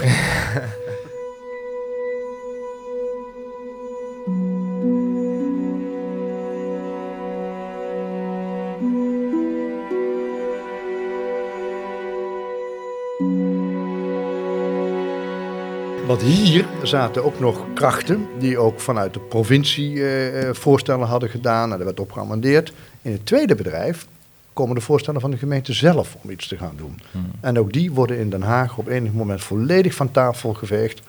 En niet op basis van argumentatie over de plannen zelf, maar over andere dingen die er in Den Haag speelden, waar de plannen de slachtoffer van werden. En dat eh, ik ben tot 1998 wethouder geweest. Uh, ben van 2003 tot 2009 gedeputeerde geweest. Ik ben nog politiek betrokken. Maar dat zijn wel momenten dat je soms denkt... Wat gebeurt hier allemaal? Hmm. Voor wie zijn we nou hier eigenlijk samen aan het, aan het werken? Is dat inderdaad in het belang van de burger wat we aan het doen zijn? Of worden er hele andere spelletjes gespeeld? Nou, en af en toe heb je wel het idee dat er ook andere spelletjes uh, gespeeld worden. Die boven dat burgerbelang of gemeentebelang uh, uitstijgen. Maar dat is eigenlijk wat er dan gebeurt in 1993. De rook rondom de puinhopen is opgezegen. Vechel is tevreden, erp gekregen. Uden staat met lege handen. Boekel is heel blij, zelfstandig gebleven. Zeeland en Schaik weten eigenlijk niet wat ze ervan moeten vinden. Uh, dat is nooit een gelukkig huwelijk geweest. En nog niet eigenlijk, als je de spanningen uh, vandaag de dag nog steeds ziet. Uh, hoe de mensen deels in Schaik zeggen, wat, moet, wat moeten wij bij Uden? Wij zijn veel meer op Os georiënteerd. En Zeeland vindt van huis uit dat ze op Uden zijn georiënteerd. Het is wel leuk dat bij een van de hoorzittingen die wij in die periode hadden, waar ik zelf bij aanwezig was, werd er dus verteld over hoe dat allemaal zou gaan. En toen vroeg een mevrouw uit Zeeland in de zaal, als het nou allemaal niet doorgaat, mogen we dan nog wel boodschappen doen in Uden? Eh, eh, eh, dat om ook te zeggen, van, wa- waar gaat dit nou eigenlijk eh, precies, eh, precies over? Nou, in de nasleep van eh, eh, Noordoost-Brabant waren er nog een paar losse eindjes. En één van die losse eindjes, dat was de gemeente Boekel, die dus zelfstandig was gebleven. Terwijl eigenlijk uit de hele analyse bleek, het inwonertal, het voorzieningenniveau, dat staat onder druk. Eh, eigenlijk zou er met Boekel iets moeten gebeuren. Dus er kwam een tweede ronde en daarin werd eh, eh, nadrukkelijk de vraag over Boekel eh, gesteld. Toen gebeurde er weer iets verrassends. Dat is in de periode die dan begint in 1995. dan komt de gemeente Boekel met het voorstel, als wij dan toch niet zelfstandig kunnen blijven, hoewel we dat wel willen, dan lijkt ons het verstandigste dat we met Uden en Veghel samen één gemeente gaan vormen. Dat komt een beetje in de buurt van de oude Wij 5, hè, waar ik het eerder over gehad heb. Zeeland is helaas verloren gegaan, maar dan hebben we toch nog dicht bij de Wij 5. Eh, en dan hebben we ook echt een krachtige gemeente. Een meestelijke zet van Boekel. Want die denken dat gaat nooit lukken tussen Uden en Veghel. Die gaan nooit met elkaar samenkomen. En als dat niet gebeurt, dan zijn wij eh, eh, de derde hond. Hè, die met het been, hè, waar twee honden vechten, gaat Ja, de derde precies, ja, ermee heen derde en, van, en vandoor eh, eh, gaat. En ik kan het Jan Biemans niet meer vragen, maar ik denk dat hij dat in zijn achterhoofd heeft gehad. Ik zeg al, ik heb heel erg eh, plezier met hem samengewerkt, maar het was ook een razend slimme en ook wel sluwe man op Ja, enige momenten. Nou, die, dat, die vraag die wordt op tafel gelegd. Dus de gemeente destijds bij monden van gedeputeerde Van Beek, Willy Bord van Beek, die ontvangt dus de gemeente eh, op het provinciehuis en zegt, nou, dit is het idee van Boekel. Gemeente Uden, wat vindt u daarvan? En diezelfde vraag wordt ook aan gemeente Veghel En in welk, eh, in welk jaar zijn we dan ongeveer? Dan zijn wij eh, in 1995 Oké, ja. dat we dat, dat, we dat oppakken. En zou die gemeente ontstaan, dan ontstaat er dus inderdaad een gemeente van rond de 85, 90.000 inwoners. En eh, eh, nou, er vindt van alles af wat plaats. Er wordt eh, voorstellen gedaan in de gemeenteraden. En op eh, 28 september 1995 stemt de gemeenteraad van Boekel unaniem voor eh, de gemeente Boekel-Ude-Veghel. Eh, in Veghel wordt er met 17 stemmen voor en 5 stemmen tegen eh, het voorstel gestemd. Dus ook een ruime meerderheid voor. En in Uden was het maar een krappe meerderheid van 15 voor en 10 tegen. En 15-10 er lijkt een groot verschil. Maar er waren vijf stemmen van de VVD bij. Eh, want die hadden toen vijf eh, zetels. En daar gaat in de loop van de jaren die volgen wat verschuiven. En dan wordt die meerderheid die er was, wordt heel langzaam een minderheid. Ehm, we gaan voor het vaart aan de slag. We hebben ook besloten, gezien wat ongemakkelijkheden die er waren bij ontstaan tussen de burgemeesters eh, Keizer en Heijenkamp, om niet de burgemeesters in de commissie te zetten die dat allemaal zouden gaan voorbereiden en gaan doen, maar de local burgemeesters eh, daar een plek in te geven. Ja. Dat was ik in de, in, de, in de tijd, dus ik deed dat namens Ude. Jan Slippers, onlangs overleden van de Sligo, die was wethouder in Veghel. Die was local burgemeester, deed dat namens eh eh, Veghel. En eh, Jan Biemans was local burgemeester in Boekel. Koos Pompen was daar de burgemeester. En die deed het namens Boekel. En wij vormden de commissie, de stuurgroep, die dat zouden gaan doen. Wij lieten ons ondersteunen door een eh, organisatie-adviesbureau, OBD Kans Opers. En wie was dat die hier kwam? Dat was Henk Bleker uit Groningen. Henk Bleker was in dat moment fractievoorzitter van het CDA in de Staten van Groningen. Later bekend geworden eh, als eh, staatssecretaris, het briefje, briefje van Mauro en allerlei andere eh, zaken die om hem heen speelden. Dat was Henk Bleker. Die kwam, die nam een secretaris mee van zijn bureau. En zijn secretaris was René Paas, die op dit moment commissaris van de Koning is in Groningen. Dat waren de, de, de, de- de, mannen in dit geval die in de jaren 90 begonnen met de voorbereiding van de gemeente Utrecht. En de beoogde datum was 1 januari 1998 zou die gemeente er moeten zijn. Was een vrijwillige, van onderaf opgegaane eh, samenvoeging. Eh, en dat was iets wat eigenlijk de partijen altijd wilden. Het lag gevoelig in de CDA, want die wilde af van die grootschalige herindelingen. Hij wilde eigenlijk gemeenten zoveel mogelijk klein eh, laten in, in Den Haag. Nou, wij, wij lopen dat hele traject af. Er zijn een paar belangrijke beslissingen genomen, meteen in het begin al. Waar komt het gemeentehuis van deze nieuwe gemeente te staan? Er zijn al hele gevoelige discussies die waren. Besloten was, het gemeentehuis komt in, Ver- eh, komt in Uden. Eh, en het Udens gemeentehuis zou ook vergroot worden. Is ook gebeurd. Want er is een vleugel aangezet eh, door de architect van Schijndel. Die, wat, dat was allemaal al gepland op de nieuwe gemeente die er zou gaan, eh, gaan komen.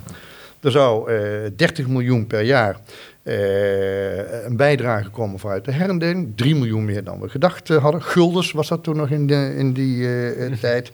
Eh, we hadden ook al gekeken hoe de nieuwe organisatie er zou moeten gaan staan. We hadden veel eh, bijeenkomsten gehad in de gemeentes. We hadden enquêtes eh, gedaan, hoe het, hoe, het, hoe het in de bevolking lag. En hoe was dat? Overgrote gedeelte vond helemaal niks. vond het neutraal of... een klein gedeelte was tegen. Een iets kleiner gedeelte van, van het totaal was voor.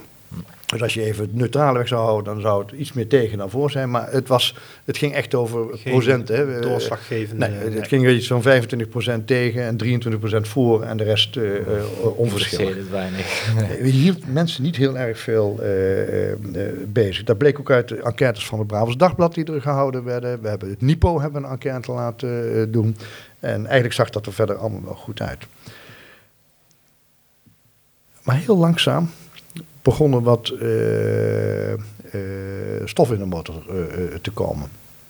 Want er werd natuurlijk ook al gekeken naar die grote gemeenten die gaan ontstaan. Wie Mhm. wordt eigenlijk daar de nieuwe burgemeester? Het gaat ook altijd over mensen. Hmm. Keizer liep pas een beetje tegen zijn pensioen aan. Dus Heekamp dacht van dat is nogal mooi nog een aantal jaren te gaan doen. Maar toen werd ook duidelijk dat dat waarschijnlijk niet zou gaan gebeuren. Zo gebeurden er nog een aantal dingen meer. En je zag heel langzaam dat mensen wat aarzelend worden of dit nou wel de goede weg was. Hmm. Speelde ook mee dat er eh, eh, ook binnen het CDA eh, oppositie was, zeker in Uden. Maar ook de twee me- mensen die enig gezag hadden binnen het CDA, Harry Verlanen en hoe heet hij ook alweer, Koenen. Die, ehm, de vader van Remco Koenen, die ehm, eh, het helemaal niet zagen zitten. Die begon een soort tegenbeweging op eh, te, te zetten van, moet dit allemaal wel? Harry Vlanen was ook de buurman van de burgemeester Heekamp. Ik bedoel, ik zeg dat eventjes, omdat allemaal dit soort van relaties en zo speelt er allemaal een, eh, een rol in. Ja. Later is eh, uit eh, hun tweeën is Jong Ude ontstaan. Jong Ude is ontstaan als een tegenbeweging van de herindeling die toen eh, eh, plaatsvond. Eh, omdat dat geen goede gedachte was. Zo was het aardig om te zien dat een aantal jaren later, onder andere Marnix Ba Bakermans, die uit Jong Ude komt, nu eh, wethouder is geweest, nu burgemeester van Zeeland is, heel erg voor die fusie eh, Ja. is. Dus ook Ja. ideeën kunnen evalueren in, eh, in die eh, periode. Ehm, en er begint, er begint dus, dus, dus, dus ongemak te komen. De VVD raakt verdeeld. De VVD raakt in Uden heel erg verdeeld eh, over wat er nou precies moest gebeuren. Jan Koenen begon zijn positie, was toen wethouder, die begon zijn positie eh, te verliezen. Eh, er komt discussie in de, de partij scheurt uiteindelijk ook. Nadat het allemaal mis is gelopen, is onder andere eh, gewoon Uden.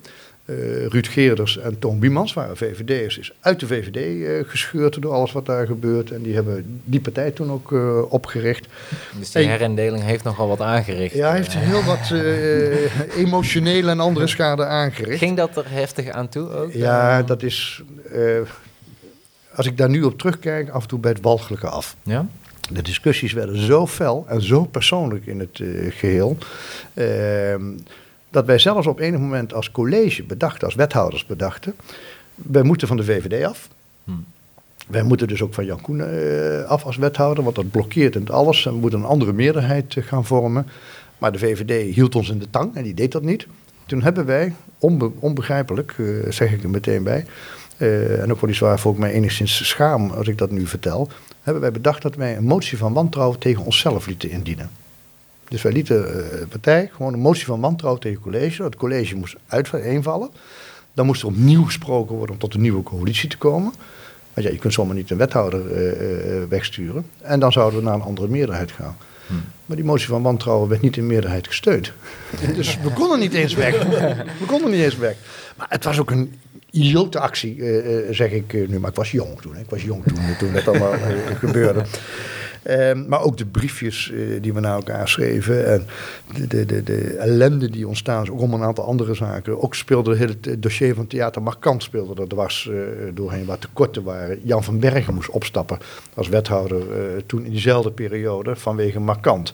Er speelde het een en ander rondom Tennant, die weg zou gaan naar Arnhem, waar allerlei acties werden gedaan om ze te houden, die eigenlijk wettelijk niet eens konden. Dus het was een enorme spanning in het college. Hmm. Extra eh, vergaderingen. Het is zelfs zo ver gegaan dat we op enig moment zelfs aan de commissaris van de koningin toen nog, uh, Hoebe, hebben gevraagd. Uh, treed op, uh, haal die burgemeester hier weg. er moet ingegrepen worden, want dit wordt een bestuurlijke puinhoop. Hmm. Nou, toen zeiden jullie de financiële consequenties staan vandaag en het gemeenteraad, dan wil ik dat doen. Maar anders doe ik het niet. Nou, uiteindelijk kon dat niet, want de gemeenteraad ging ook niet akkoord. Dus nou ja, allemaal van dit soort van het was oorlog. Het was echt ja, oorlog. Maar, en, dan, en de verhoudingen waren behoorlijk verstoord op dat moment. Dit was dan naast, eh, een deel van die mensen hadden, hadden hiernaast nog gewoon een baan. De gemeenteraadsleden sowieso. Ja. wethouders niet, die zijn fulltime. Uh, fulltime uh, ja. ja. Uh, dat geldt niet voor Boekel, hè, want daar zijn de wethouders, die hadden daar deelbaan, uh, deel wethouder en deelbaan. Maar in Veghel en in, in Uden waren de wethouders fulltime. Hm. Nou, dat legt natuurlijk een enorme druk op, ook op de hele samenwerking met, uh, met, met Boekel en uh, Vechel. En je zag dus de, de, de, de, de stemming zag je omdraaien. Mm. En toen kregen we het nog wel door de Tweede Kamer. De Tweede Kamer ging uiteindelijk akkoord met CDA in de Tweede Kamer tegen. Maar er was een meerderheid was voor. En toen dachten we eigenlijk van, nou, kat in bakkie, wat de Eerste Kamer toetst op hoofdlijnen. Uh, dit kan niet meer misgaan. Het is, het is binnen. Het is binnen. Dat was de idee die dat in mei, geloof ik, uh, dat het was, uh, ontstond. Mei, juni. Toen was er ook al een breed besef, als jij gewoon een Udenaar was, dan dacht je eigenlijk ja, van... stond ook in de krant. De krant kopte ook letterlijk gemeente Uden, Veghel een feit. Oh, ja. dat stond letterlijk ergens in een van de, van de kranten was dat opgenomen. Ja, Desniettemin stemde de Tweede Kamer, al was het niet zonder slag of stoot, met de herdelingsvoorstel in mei 1997 in. Ude Vechel op 1 januari een feit, kopt het Brabants Dagblad. In 1996. 97. 97 ja. Het curieuze was dat de landelijke fracties van de VVD en D66 voor waren. Daar waar ze plaatselijk tegen waren. Het landelijke CDA tegen, daar waar lokaal de CDA's allemaal uh, voorstemden. Uh, het ambtelijk apparaat moest staan. We hebben voorlopig een nieuwe gemeentesecretaris benoemd. De directies zijn benoemd. De fusie ging uh, op het ambtelijk apparaat. Al die voorbereidingen werden getroffen in de veronderstelling. In oktober uh, zette de Eerste Kamer daar nog een hamerslag op. Want de Eerste Kamer had er nooit ingegrepen bij dit soort van herindelingen. Want de politieke discussie vindt plaats in de Tweede Kamer. Ja, dat was nog voor de activistische Eerste Kamer. Ja, dat zat, daar is die ontstaan, denk ik. Um, maar je merkte dat na, de, na die Tweede Kamerverkiezingen de discussies steeds feller werden. Ook, ook in de gemeentes uh, zelf. En ook uh, Boekel uh, begon te ruiken van nou, dit gaat misschien wel eens verkeerd voor Boekel. Was eigenlijk niet de bedoeling, denk ik, achteraf. En die nemen op 10 juli 1997 een motie aan. Dus de Tweede Kamer had al ingestemd. We hadden samen allemaal de voorstellen ingediend. en dan nemen ze een motie aan waarin de gemeenteraad van Boekel nogmaals beklemtoont in het bijzijn van de gedeputeerde de heer W.I.I. van Beek dat de gemeente Boekel zelfstandig wil blijven en dat eerdere besluiten slechts genomen zijn met de rug tegen de muur, zoals die door hogere overheden werden opgetrokken voor een noodzakelijk geachte en in afwijking van de nadrukkelijke wens van de gemeente Boekel op te leggen gemeentelijke schaalvergroting. Pats! Hadden we twee jaar aan gewerkt om samen te komen. En op hun voorstel. Op hun voorstel, ja. En zo je dus uh, uh, de handdoek in de ring. Als je me voor uh, deze podcast had verteld dat ze in Boekel, dat Boekel zo'n grote rol in, deze herind, in dit herindelingsverhaal zou spelen. En dan ook op deze manier, als een soort van guerrilla-strijders die er alles aan doen om onafhankelijk te blijven. Dat, dat, dat had ik niet, uh, niet verwacht, om eerlijk te zijn. Uh, en, het, en, en, je zag dus dat alles begon te draaien. Uh, ik had in uh, de eerste herendelingsperiode, dus 91, 93, onder andere brieven naar de Kamer gestuurd. waarin aan werd gegeven dat u de ruimtelijke problemen zou krijgen. als er geen gebiedsuitbreiding zou komen. nog een paar keer onderstreept door de burgemeester Heekamp, die regelmatig verwees naar de voortreffelijke brief van de wethouder Rup, waarin uitstekend is verwoord waarom dat dit noodzakelijk is.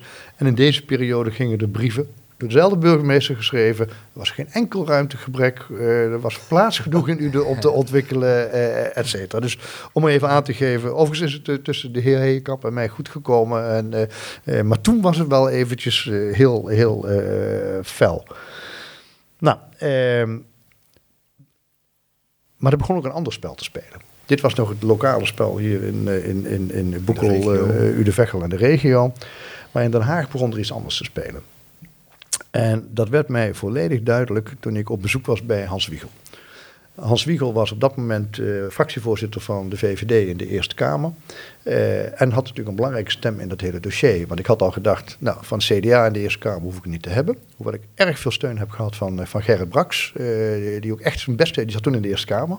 Die ook erg zijn best heeft gedaan om te kijken of dat toch ook de CDA-fractie niet kon, kon keren.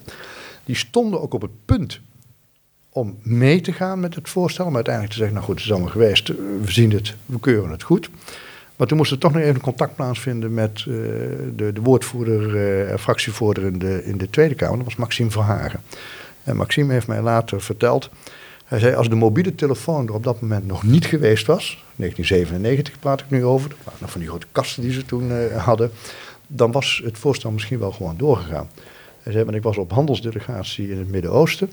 En ik ben eh, deels uit de woestijn gehaald met een mobiele telefoon voor spoedoverleg met eh, de fractievoorzitter van de Eerste Kamer van het CDA om te zeggen wat ze nu moesten doen. En ik heb met klem gezegd, volg ons, laten we de lijn consistent houden, niet instemmen. En ik weet van Gerrit Brax dat het een dubbeltje op zijn kant was geweest, als ze hadden wel ingestemd, maar toen is het niet doorgegaan. Ik denk, ik moet mijn pijlen nu richten op de VVD, die, want de VVD in Uden was hopeloos verdeeld en tegengestemd. Ik denk, dat moet ik niet hebben, dadelijk ook in de Eerste Kamer. Dus ik had een eh, onderhoud eh, eh, met, met Hans Wiegel, een afspraak gemaakt. Ik vertel mijn verhaal, hoe we dat hadden gedaan, waarom we het moesten doen. En hij kijkt mij aan en zegt, meneer Ruip, ik heb u gehoord. En alles wat u zegt is relevant. En van de honderd redenen die u noemt waarom deze herindeling moet doorgegaan, zijn misschien wel alle honderd waar. Hij zei, maar toch gaat het niet door. Want ik heb één reden waarom dit niet mag doorgaan. Deze staatssecretaris, mevrouw van der Vondervoort, deugt niet. Ik zeg, mevrouw van der Vondervoort deugt niet. Zeg, wat heeft dat met dit dossier te maken? Hij zei, alles. Hij zei, wij staan aan de vooravond van grote discussies in het parlement over de bestuurlijke herindeling van Nederland. Hij zegt, het gaat dadelijk over Enschede-Hengelo. Het gaat over de regio Amsterdam. Het gaat over Utrecht. Het gaat over de agglomeratie Eindhoven. Hij zei, het gaat ergens over. En met alle respect, u de Vechel. Zullen maar weinig mensen in Nederland van weten waar dat ligt. En het is jammer voor u. En het is jammer dat het niet doorgaat. Hij zei, maar weet u meneer Ruip, met u komt het wel goed. Dat heb ik al lang gezien. Ik zeg, maar ik kom hier niet voor mijzelf. Met u komt het wel goed. Ik ben jaren later nog eens een keer tegengekomen. En toen zei hij tegen mij, het is goed gekomen met u, hè? Ja, met mij wel. Oh, erg. Maar dat was dus uiteindelijk het belangrijkste argument. Want staatssecretaris van de Vondelvoort had ook een paar blunders begaan in het hele traject. Bij een aantal herindelingen meer. En moest gewoon even door de Eerste Kamer op het matje geroepen worden van... wij laten niet met ons spelen. Hier laten we nu even stof bijten. En dan gaat het door. Nou, dat, dat eh, gebeurde dus eh, eh, vervolgens. Nou, wat, wat gebeurt er dan?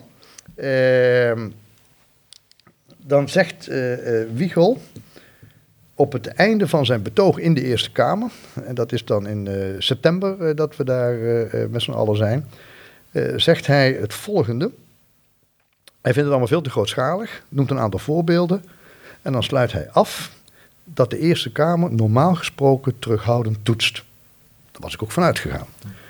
Maar nu is het te veel gevraagd met dit voorstel in te stemmen. Ik citeer wat Wiegel zegt. De ingang. Wat moeten wij met Boekel? Is een oneigenlijke. Het draagvlak in het gebied is onvoldoende. Het wetsvoorstel is inhou- inhoudelijk onnodig en te grootschalig. Natuurlijk wachten wij het antwoord van de regering met belangstelling af. Wij kennen het doorzettingsvermogen van de staatssecretaris, maar zij moet zich niet al te veel illusies maken. Einde verhaal. En we werden dus ook niet echt serieus genomen in Den Haag. En dat bleek wel toen we de tribunes eh, verlieten van de Eerste Kamer en wegliepen eh, uit, de- uit, eh, uit de vergaderzaal, stond de microfoon nog open van de voorzitter van de Eerste Kamer. Dat was toen Kamervoorzitter Korthals Altes. En wij hoorden hem door de microfoon zeggen: Kijk, de Brabantse boertjes gaan naar huis. 200 jaar nadat Pieter de Vrede vanuit Tilburg namens Brabant had gezegd: Wij sluiten ons aan bij de Republiek, maar we willen serieus genomen worden. Was het nog niet echt eh, op dat eh, moment?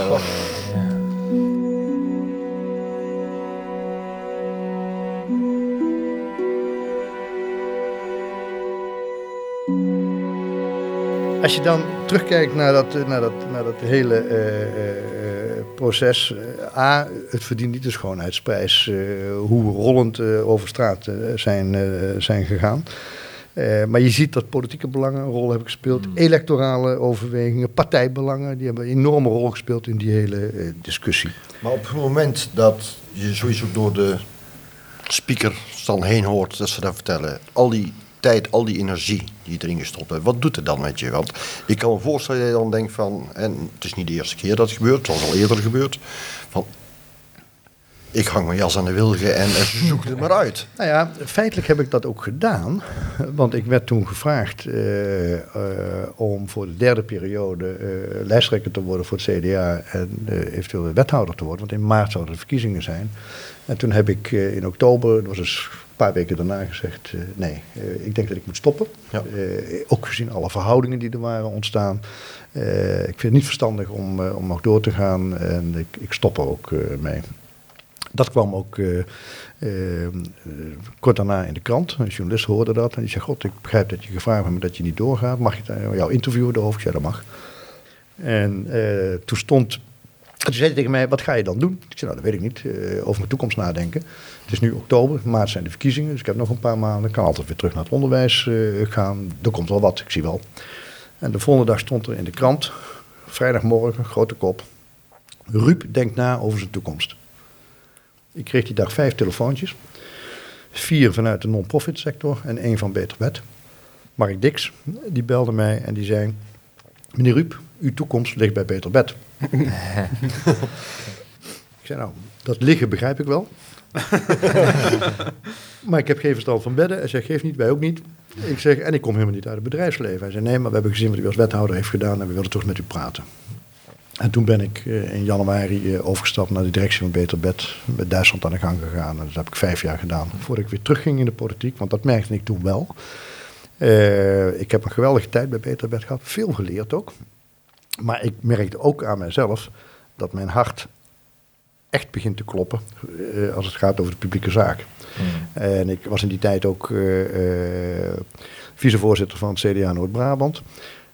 Toen kregen we die clash tussen Marnix van Rij en Jaap de Hoop Scheffer.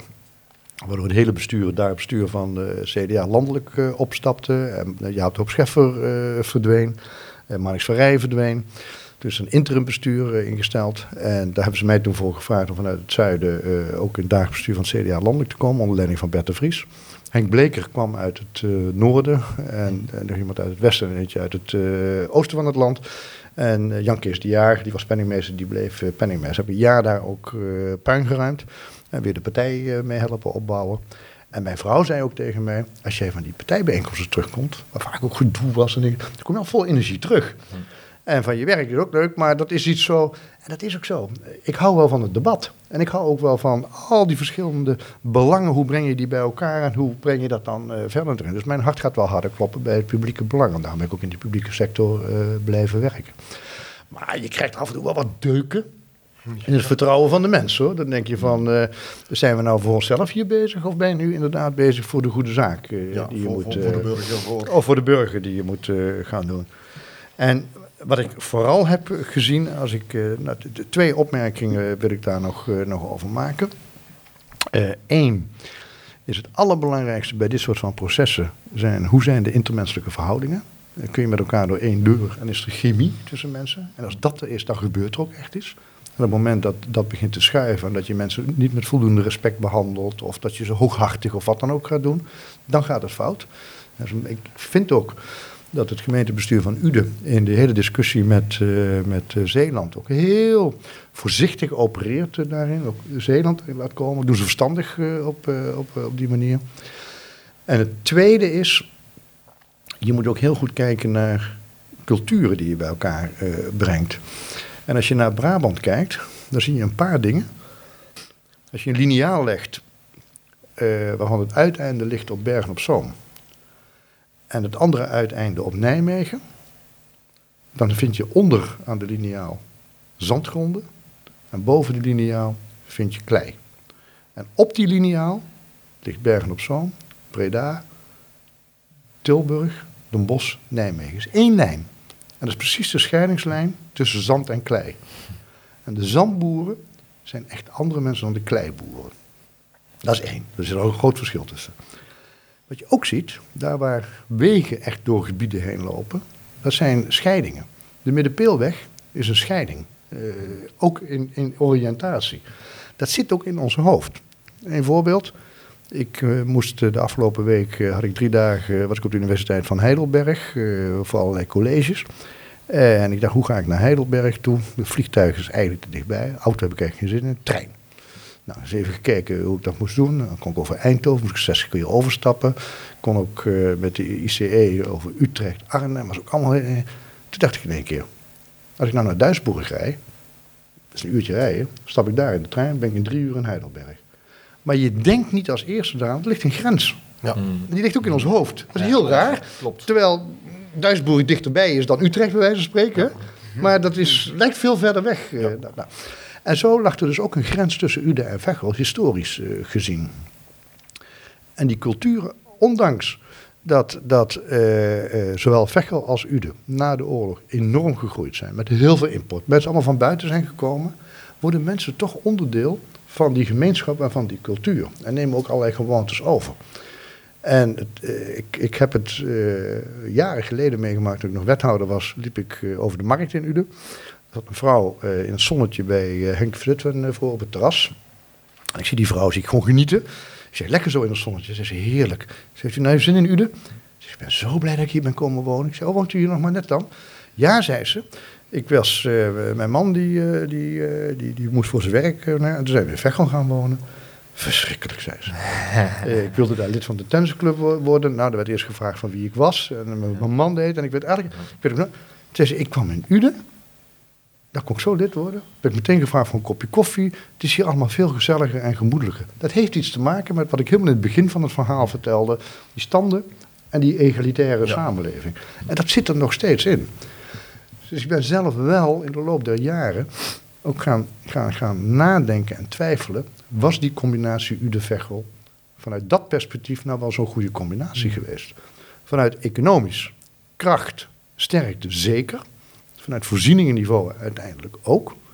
Maar of het ook echt bij elkaar paste. En of ze ook echt samen iets zouden kunnen gaan doen. Daar zet ik inmiddels een vraagteken hmm. bij. Dus ook dat zijn belangrijke zaken. Of Meijerijstad dat wel heeft. Wel wat gebied betreft en oriëntatie hmm. betreft. Maar het is wel een hele grote lappendeken van, uh, van gemeenten. Dus nou ja, en hoe de toekomst uh, Ude Landert of Ude Zeeland. Nog even afwachten wat daar precies uiteindelijk uit uh, gaat komen. Uh, ben ik heel benieuwd naar. Maar het, zijn innoveren, het waren innoverende tijden.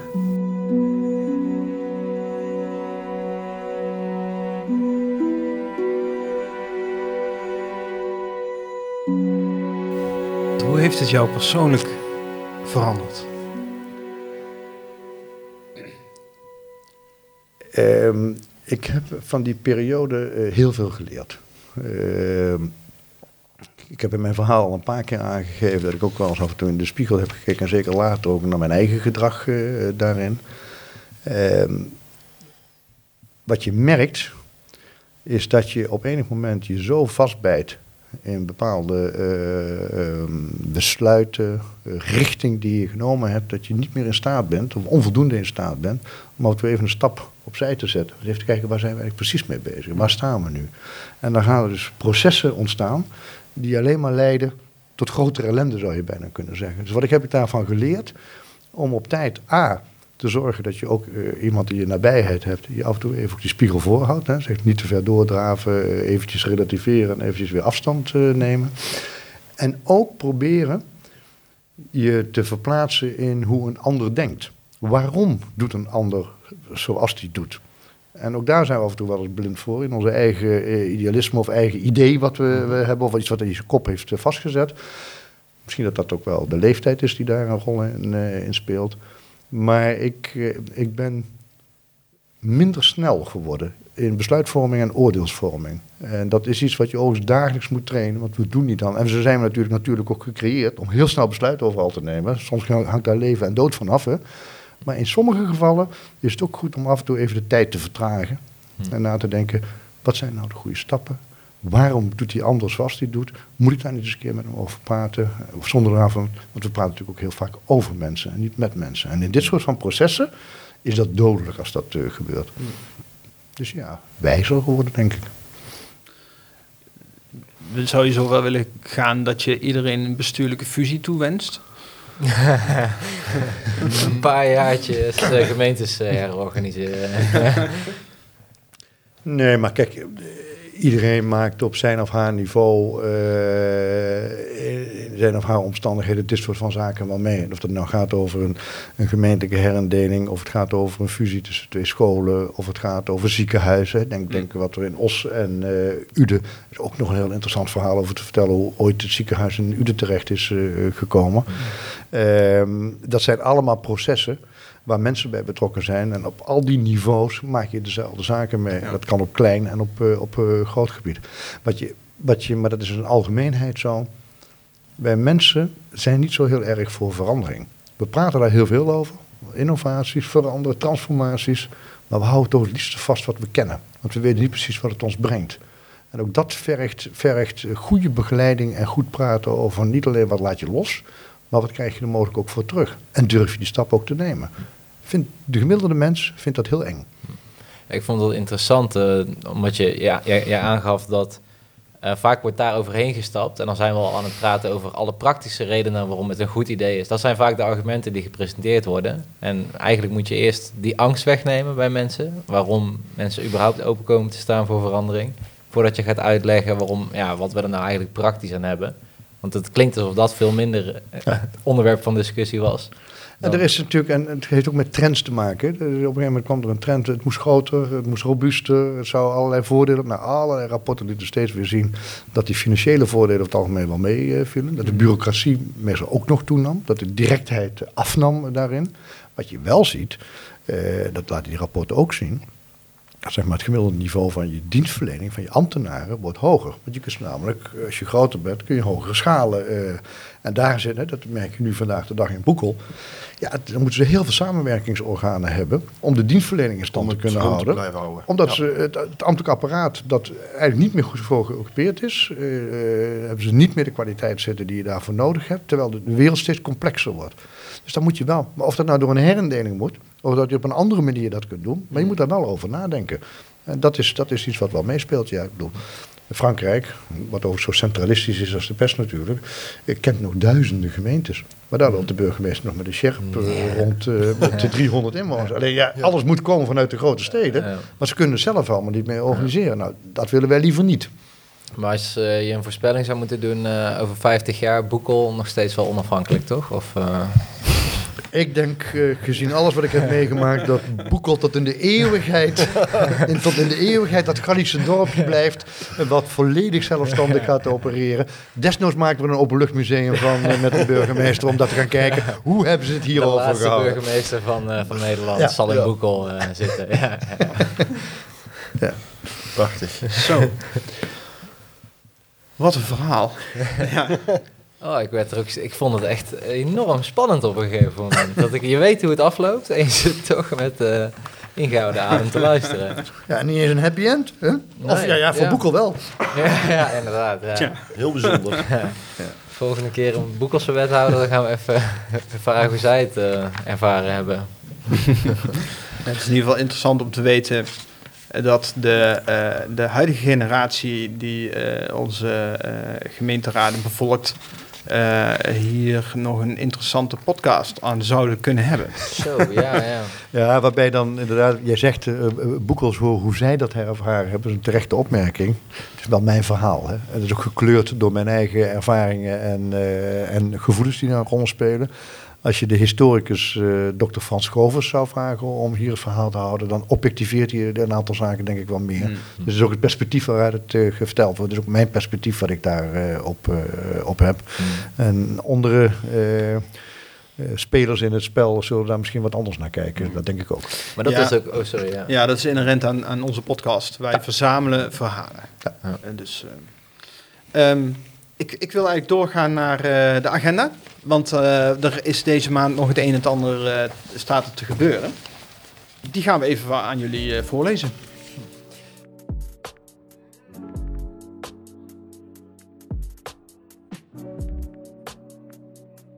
Op zondag 26 januari vindt in het gemeentehuis in Uden de jaarlijkse Holocaust Memorial Day plaats. Eh, traditiegetrouw worden daar de slachtoffers van de Holocaust herdacht en worden de namen van de Udese Holocaust-slachtoffers voorgelezen. Iedereen is van harte welkom bij deze herdenking op zondag 26 januari van kwart over 12 tot kwart over 1 in de raadzaal van het gemeentehuis. Inloop met koffie en thee vanaf half 12. Op maandag 17 februari geeft Frans Schovers, hier heb je hem, een lezing in het Heemhuis getiteld Pater Theo Verhoeven, verzetsman in hart en nieren. Bekijk www.heemkundekringude.nl voor details over deze lezing. Van 7 tot 16 februari speelt de jongerengroep van Theater Na Piek het oorlogsdrama Anna Frank en ik. De voorstellingen zijn op vrijdagavond, zaterdagavond en zondagmiddag. De kaarten kosten 9 euro en zijn te bestellen via www.naatpiek.nl. Nu heb ik een punt, want volgens mij hebben wij eerder euro. 8 euro gezegd inderdaad. Oh, oké. Klopt. Ja, dat dacht ik ook. Ja. Ik zei dat ik 9 euro zei, dacht ik, volgens mij hebben we 8 euro eh, Oké, gezegd. nou dat is goed nieuws. Moet ik even opnieuw doen? Nee hoor, want eh, de juiste informatie staat op, eh op naatpiek.nl, dus eh, daar Oké. kunnen mensen naartoe. Meteen een goede reden om naar de website te gaan. eh, wat Om te betreft. kijken wat nou werkelijk... Dit jaar bestaat de Udese brandweer 250 jaar. U begrijpt dat dit een van onze volgende afleveringen geheel in het teken zal staan van dit bijzondere feit. Heeft u nog een mooie herinnering of een interessant verhaal over de Udese brandweer? Schrijf het op en stuur het naar podcast De Stolp. Aan het eind van deze aflevering vertellen we hoe u ons kunt bereiken. Daar heb ik meteen wel een feitje. Daar ben ik dus pas achter gekomen. Eh, die NSB'er die ik speel in eh, Vrouwen van de Wereld, die zat bij de Udese brandweer. Die heeft de molen nog eh, Aangestoken? Oh, gered. gered. Ja, ja. Gered. ja. Ik een molen, de molen van Jette? Eh, dat zou ik even. Hij heeft een molen geblust. Er er kwam, eh, kwam iemand pas naar me toe en die zei: hey, ik heb eh, dat karakter eh, online ben ik die tegengekomen. En die heeft een molen mee een molen geblust. De molen bij Van Dieten kan dat ook geweest zijn. interessant. Neem maar mee. Mijn bijdrage voor volgende keer. Ja, precies. Het toneelstuk over de Udische Joden tijdens de Tweede Wereldoorlog heet Vrouwen van de Wereld. Het struikelstenen verhaal. Het is gebaseerd op ware gebeurtenissen die zich tussen 1939 en 1943 in Uden hebben afgespeeld. De première is in april. Kaarten kunt u kopen via www.naatpiek.nl. En vergeet ook niet te luisteren naar de eerdere afleveringen van Podcast De Stop. In de eerste aflevering spraken we met Adriaan Sanders over de laatste dagen van Ude in oorlog. En in de tweede aflevering met Erna de Klein over haar ontdekking van het bijzonder verhaal van de Udese Joden tijdens de Tweede Wereldoorlog. En in aflevering 3 spraken we met Hanneke van Alphen over archeologie in Ude. We willen de volgende mensen bedanken voor het meewerken aan deze aflevering. Annemieke de Groot en Tony Voermans voor alle hulp en middelen vanuit de Heemkundekring Ude. Wim Rovers was vanavond onze gastheer hier in het Heemhuis en die zit in de kamer hiernaast te wachten. Waar blijven ze nou? Want die wil naar huis. Toneelgroep Sinterklaas van Theater Na het Piek voor het lenen van de techniek. John van Berlo was onze tafelgast vanuit Theater Na het Piek. Paul Ruep was vandaag de verteller van het verhaal. De muziek onder onze intro is gecomponeerd door Maurizio Malagnini. Een link naar zijn muziek staat op onze website. Bezoek heemkundekringude.nl of naar piek.nl en zoek naar Podcast de Stolp om onze website te bezoeken. De presentatie was in, Erik, eh, in handen van Erik Koppens en Gertjan Peters. Bedankt voor het luisteren en tot de volgende keer.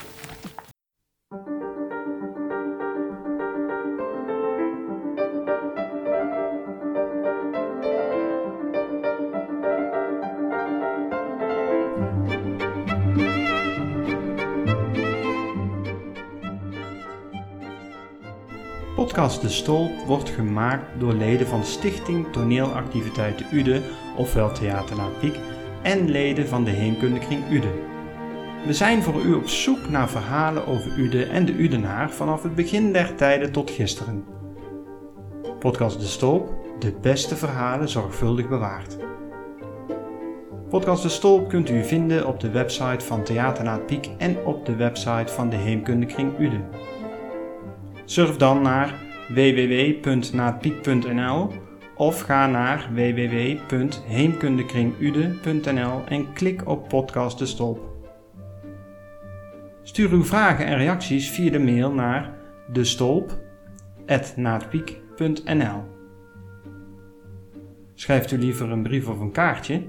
De brievenbus van Podcast De Stolp kunt u vinden tegenover restaurant Chambon, naast de Kruisherenkapel, bij het grote ijzeren hek. Zoek naar de brievenbus van Heemkundekring Uden. Podcast De Stolp is een podcast, een geluidsbestand op internet. Heeft u internet, dan kunt u naar ons luisteren. Dus ook via uw mobiele telefoon, bijvoorbeeld tijdens het wandelen, tijdens het tuinieren, tijdens het reizen met het openbaar vervoer en op vakantie. Woont u niet of niet meer in Uden? Geen probleem, want kunt u op internet, dan kunt u naar Podcast De Stolp.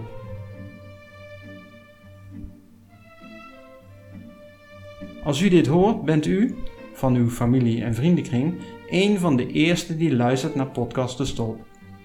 Er is vast iemand die u kent die ook geïnteresseerd is in de verhalen van onze podcast. Laat ze meegenieten en stuur ze een mailtje of een appje en vertel ze over ons. Podcast De Stolp. Vanaf september 2019 elke maand een nieuwe aflevering.